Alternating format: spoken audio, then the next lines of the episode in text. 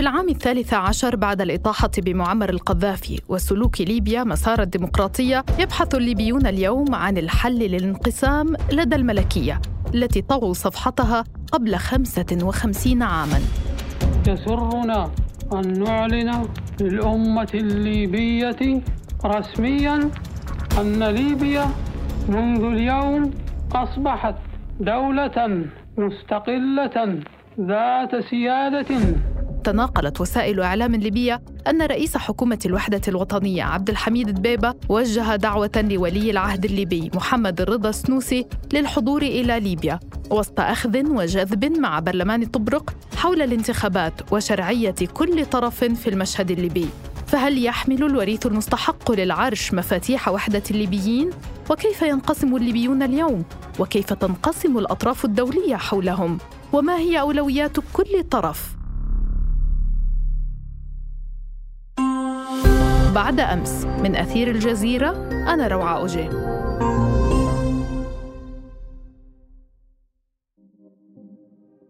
توقف الزمن في المشهد الليبي عند حالة الانقسام وعلق الليبيون بين أطراف داخلية تتنازع الشرعية والسيادة وأطراف خارجية لا تبدو أولوياتها سوى مصالحها. ووسط الجمود تتحرك اللقاءات في إسطنبول مع ولي العهد الليبي محمد الرضا السنوسي للبحث في أفق الحل. لقاءات صداها في طرابلس بتناقل وسائل الإعلام المحلية خبر دعوته للعودة إلى ليبيا.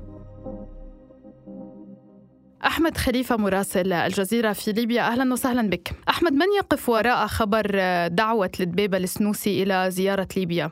كل ما يتداول حتى الآن هي مجرد أخبار فقط في وسائل الإعلام لكن في خضم ذلك ولي العهد محمد السنوسي قد يرى في نفسه حلا للأزمة الليبية وقد يرى في عودة الملكية حلا للأزمة الليبية وبالتالي هو يعقد اللقاء تلو الآخر في إسطنبول مع وفود شعبية ليبية ووفود قبلية ليبية ووفود مناطقية ويطرح عليهم مسألة الحوار آه، الوطني وأن الأزمة الليبية لابد أن تحل بالحوار بين الليبيين كما أنه لم يلتقي أي من أطراف الأزمة الليبية حتى الآن. هي فقط مجرد لقاءات شعبية ويبحث أيضا مع الوفود كيفية الخروج من الانسداد السياسي ومدى رغبة الليبيين في الدخول في حالة حوار وطني أو حوار آه، مجتمعي يستطيعون من خلاله فرض حلول معينة على أطراف الأزمة في البلاد لتجاوز آه، خلافاتهم وبالتالي الوصول إلى إجراء آه، الانتخابات التي يرى الكثير من الليبيين حقيقة أنها ستكون حلا لمسألة الصراع السياسي الذي أنهك البلاد حتى الآن على مدى أكثر من عشر سنوات. هل بقدرة هذا المجتمع المحلي فعليا أن يفرض إرادته السياسية على قوى عسكرية؟ لو تحدثنا بتجرد سنقول إن الليبيين شرقا وغربا وجنوبا حتى الآن لم يقولوا كلمتهم هم فقط يكتفون حتى هذه اللحظة بمتابعة مراحل الصراع لكنهم لم يقولوا كلمتهم سواء عبر هبة شعبية تطالب بحل للليبيين. لكن هناك مشهد لن ينساه العالم أنا متأكد وهو هبة الليبيين عندما حدث طوفان درنا. كان هناك ما سمي في ليبيا بفزعة خوت تجلت في تلك المشاهد حقيقة اللحمة الوطنية واستطاع الليبيون فرض حلول فعلا في آه، درنا في تلك الفترة. لكن حتى الآن لم يفرض الليبيون صراحة إرادتهم هم فقط يكتفون حتى الآن بالفرجة على الصراع السياسي الدائر وهو الصراع السياسي الذي تديره بشكل أو بآخر الأمم المتحدة التي تحاول عبر مبعوثها في ليبيا. عبد الله بتيلي إدارة هذا الصراع والتنقل من طرف إلى آخر دون وضع حلول حقيقة على الأرض حلول نهائية وحاسمة. تنهي هذا الصراع الموجود على الأرض منذ سنوات. إذا أردنا أن نرسم خارطة هذا الانقسام السياسي أين يقف اليوم هذه الأزمة الليبية نسمع بها منذ سنوات منذ سنوات هل يقف الأطراف فعليا على نفس الانقسامات؟ العنوان العريض هو صراع على السلطة هناك أطراف محلية مدعومة برغبات إقليمية وبدوافع إقليمية للسيطرة على البلاد وكل طرف يرى نفسه أنه الحق بحكم ليبيا. الآن الانقسام السياسي هو سيد الموقف آه، في ليبيا. هناك قوى عسكرية وأمنية وسياسية في غرب البلاد وهناك أيضا قوى سياسية وعسكرية وأمنية في شرق آه، البلاد. هناك حكومتان في ليبيا حاليا. الحكومة المعترف بها دوليا التي لديها ممثلون في كافة أنحاء العالم ولديها سفارات آه، في ليبيا. هي الحكومة الشرعية المعترف بها في ليبيا وهي حكومة الوحدة آه، الوطنية. وهناك أيضا حكومة موجودة هناك في آه، الشرق. لا يوجد لديها تأثير ولا يوجد أي اعتراف دولي بها.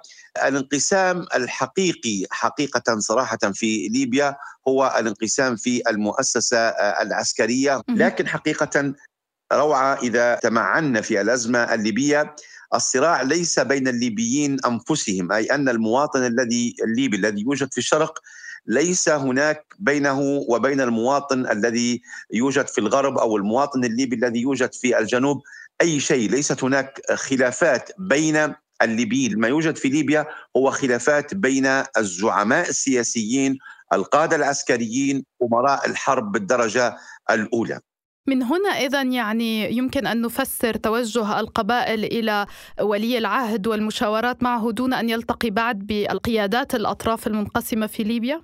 ولي العهد يرى في نفسه حلا خصوصا أن ولي العهد حقيقة ليس طرفا في الصراع كما أن أسرته آه، السنوسية لم تسئ للليبيين في يوم من الأيام أيضا حتى الملكية في ليبيا في يوم من الأيام حكمت ليبيا من عام 1951 آه، حتى عام 1969 كانت ملكية دستورية ولم تكن ملكية عائلية. وهناك شريحة من الليبيين حقيقة تطالب بعودة الملكية آه، وخصوصا في الشرق. هناك في شرق ليبيا شريحة واسعة جدا من الليبيين تؤيد عودة النظام آه، الملكي وأيضا لديها مؤيدون في آه، المنطقة الغربية يرونها حلا لكن في الأخير يبقى الأمر منوطا برغبة الأطراف السياسية الموجودة على الأرض المدعومة بقوى مسلحة حقيقة المدعومة أيضا بقوى آه، إقليمية لديها علاقات قوية مع قوى إقليمية متدخلة في الشأن هل يكون الحل في ليبيا بالعودة إلى الملكية؟ المحلل السياسي أشرف الشح أهلا وسهلا بك. كيف تقرأ أخبار دعوة سنوسي للعودة إلى ليبيا وطرح فكرة الملكية كحل للانقسام؟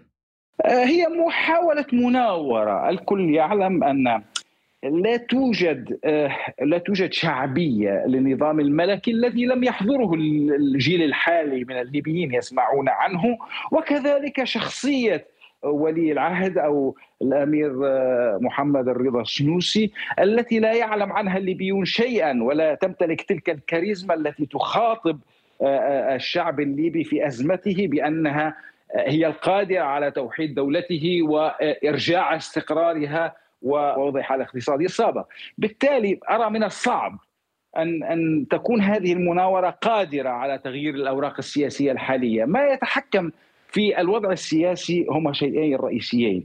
الاقتصاد والقوى المسلحة على الأرض.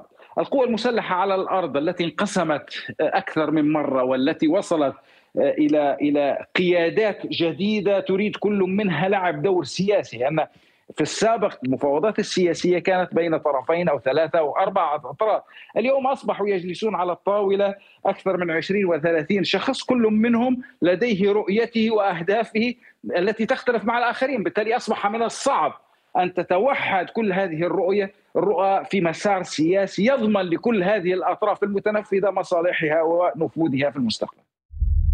لم تشهد الخارطة السياسية في ليبيا تغيرا كبيرا منذ محاولة اللواء المتقاعد خليفة حفتر السيطرة على طرابلس عام 2019 نعلن المعركة الحاسمة والتقدم نحو قلب العاصمة لتكسروا قيدها لكن الانقسام الداخلي فتح المجال أمام التدخلات الخارجية فغدت البلاد ساحة حرب ومسرحا مفتوحا للمصالح الأجنبية.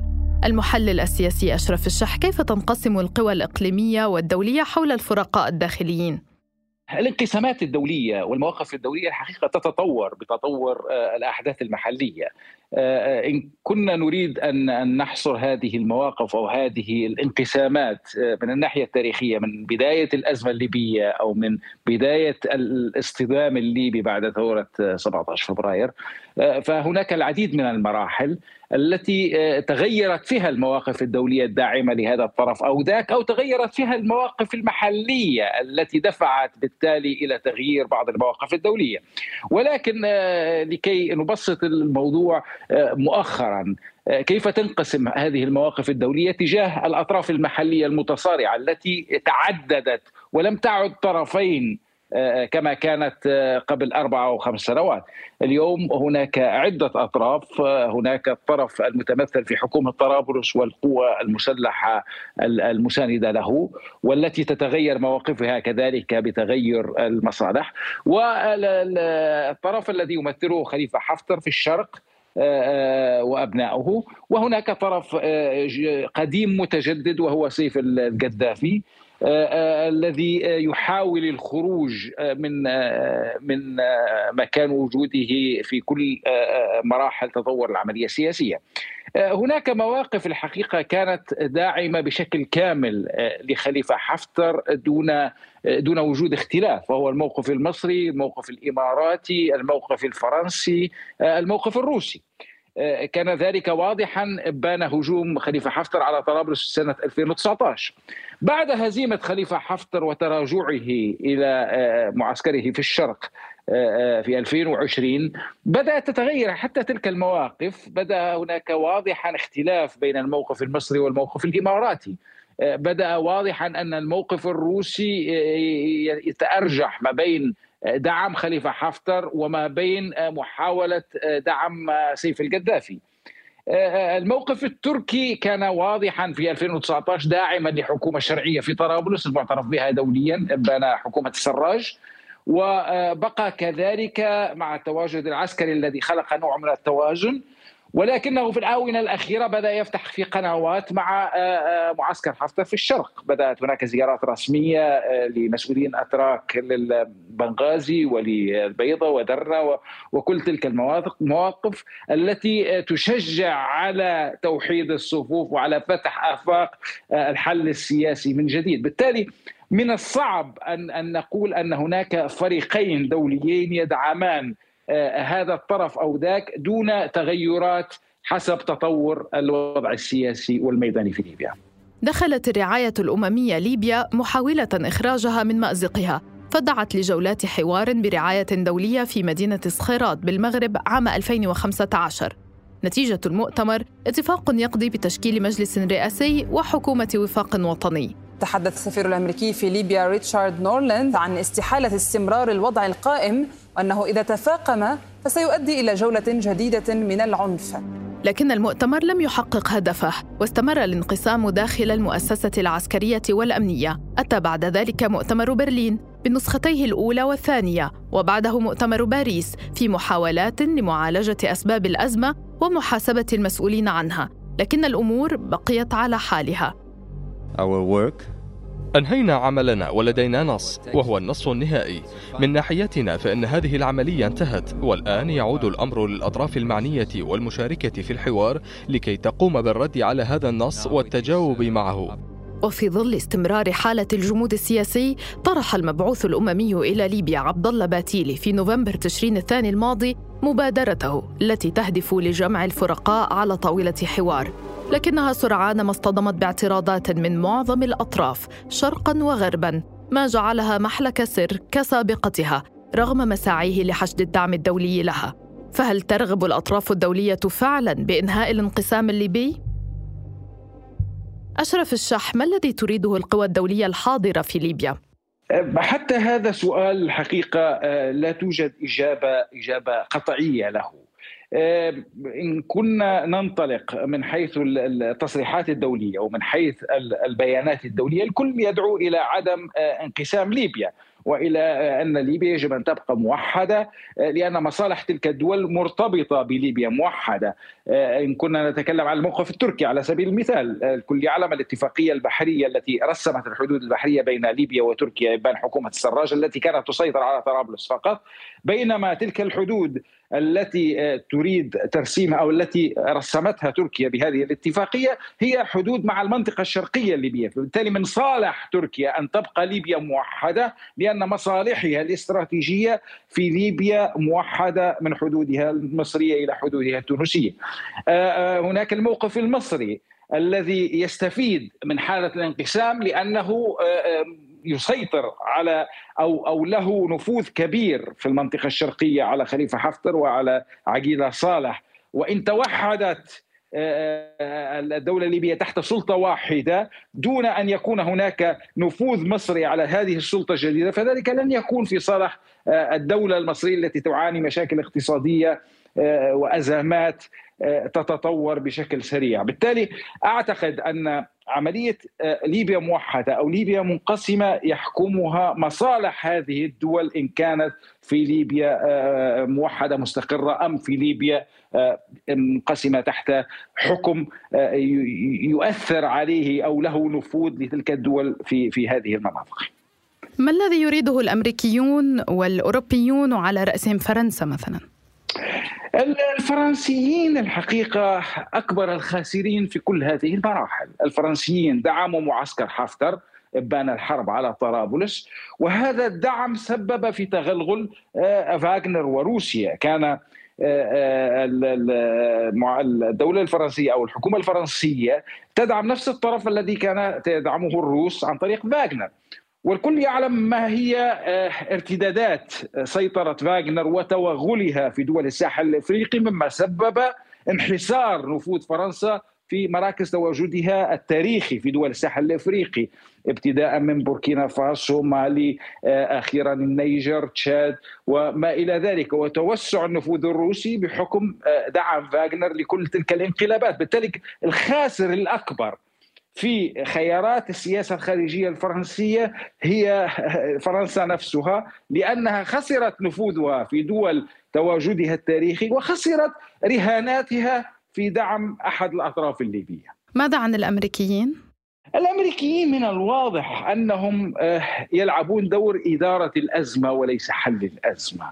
الموقف الأمريكي الحقيقة غريب جدا إن إن تعمقنا في مدى سماح أمريكا لتمدد مجموعات فاغنر في دول الساحل الإفريقي وطردها لفرنسا دون أن تتدخل أمريكا مع العلم بأن أمريكا تملك أكبر قوة عسكرية خارج الولايات المتحدة وهي الأفريكوم التي لها تواجد في كل تلك الدول الإفريقية.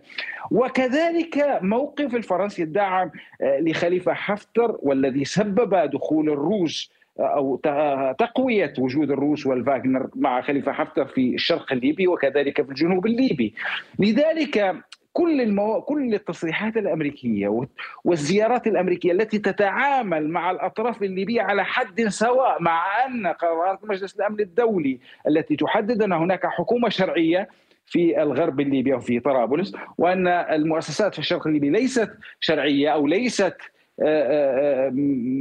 مشمولة بقرارات مجلس الأمن ولكن نرى أن الإدارة الأمريكية تتعامل مع خليفة حفتر مع كل الاتهامات الموجهة إليه بطريقة متساوية مع تعاملها مع عبد الحميد الدبيبة ومع حكومة السراج قبلها. هذا يضع علامات استفهام بأن الحكومة الأمريكية ليست معنية بحل سياسي للأزمة الليبية بقدر ما هي معنية بتثبيت الوضع الحالي وإدارة الأزمة في في وضعها الحالي. وسط كل هذه الصراعات والمصالح والأهداف، ما هي السيناريوهات الواقعية لمستقبل ليبيا؟ السيناريوهات الحقيقة تعتمد أو أو أنها سوف تتحرك بواقع الأزمة الاقتصادية التي تلوح في الأفق. الكل يعلم أن ليبيا دولة ريعية، دولة تعتمد في مصدر دخلها بشكل رئيسي على النفط. و مستوى إنتاج هذا النفط لم يعد يكفي بسبب الانقسام السياسي وإهدار المال الذي يقوم به كل الأطراف الموجودين على الساحة الليبية سواء غربا أو شرقا وكذلك عدم وجود شفافية في التعامل في أموال الليبية. مما سبب انهيار للعملة الليبية خلال الفترة الماضية تسبب في أزمة اقتصادية لا زالت تتطور. مخاطر هذه الأزمة ونقص الموارد الاقتصادية لمواجهة تحدياتها هو ما سيكون المحرك الرئيسي للتطور السياسي القادم. منذ ثورة فبراير حتى اليوم وربيع ليبيا تعكره ريح الأزمات والنكبات، عقد من الزمن والانقسام السياسي والحكومي مستمران دون بوادر قريبة لانفراجة تخفف عن كاهل الليبيين عبء التفرق والشتات. ما تزال واشنطن تكتفي بعقد لقاءات تصفها بالتشاورية والأمم المتحدة تكتفي بإدارة الصراع والأطراف الدولية الأخرى لا ترى حاجة للاستعجال في حل. فمتى يحقق الليبيون دولتهم التي حلموا بها قبل 13 عاما؟ بعد أمس من أثير الجزيرة تابعونا عبر كافة منصات البودكاست وأرسلوا لنا أسئلتكم ومقترحاتكم في التعليقات وعبر حسابات أثير على مواقع التواصل الاجتماعي. دمتم بخير ونلتقي بعد أمس.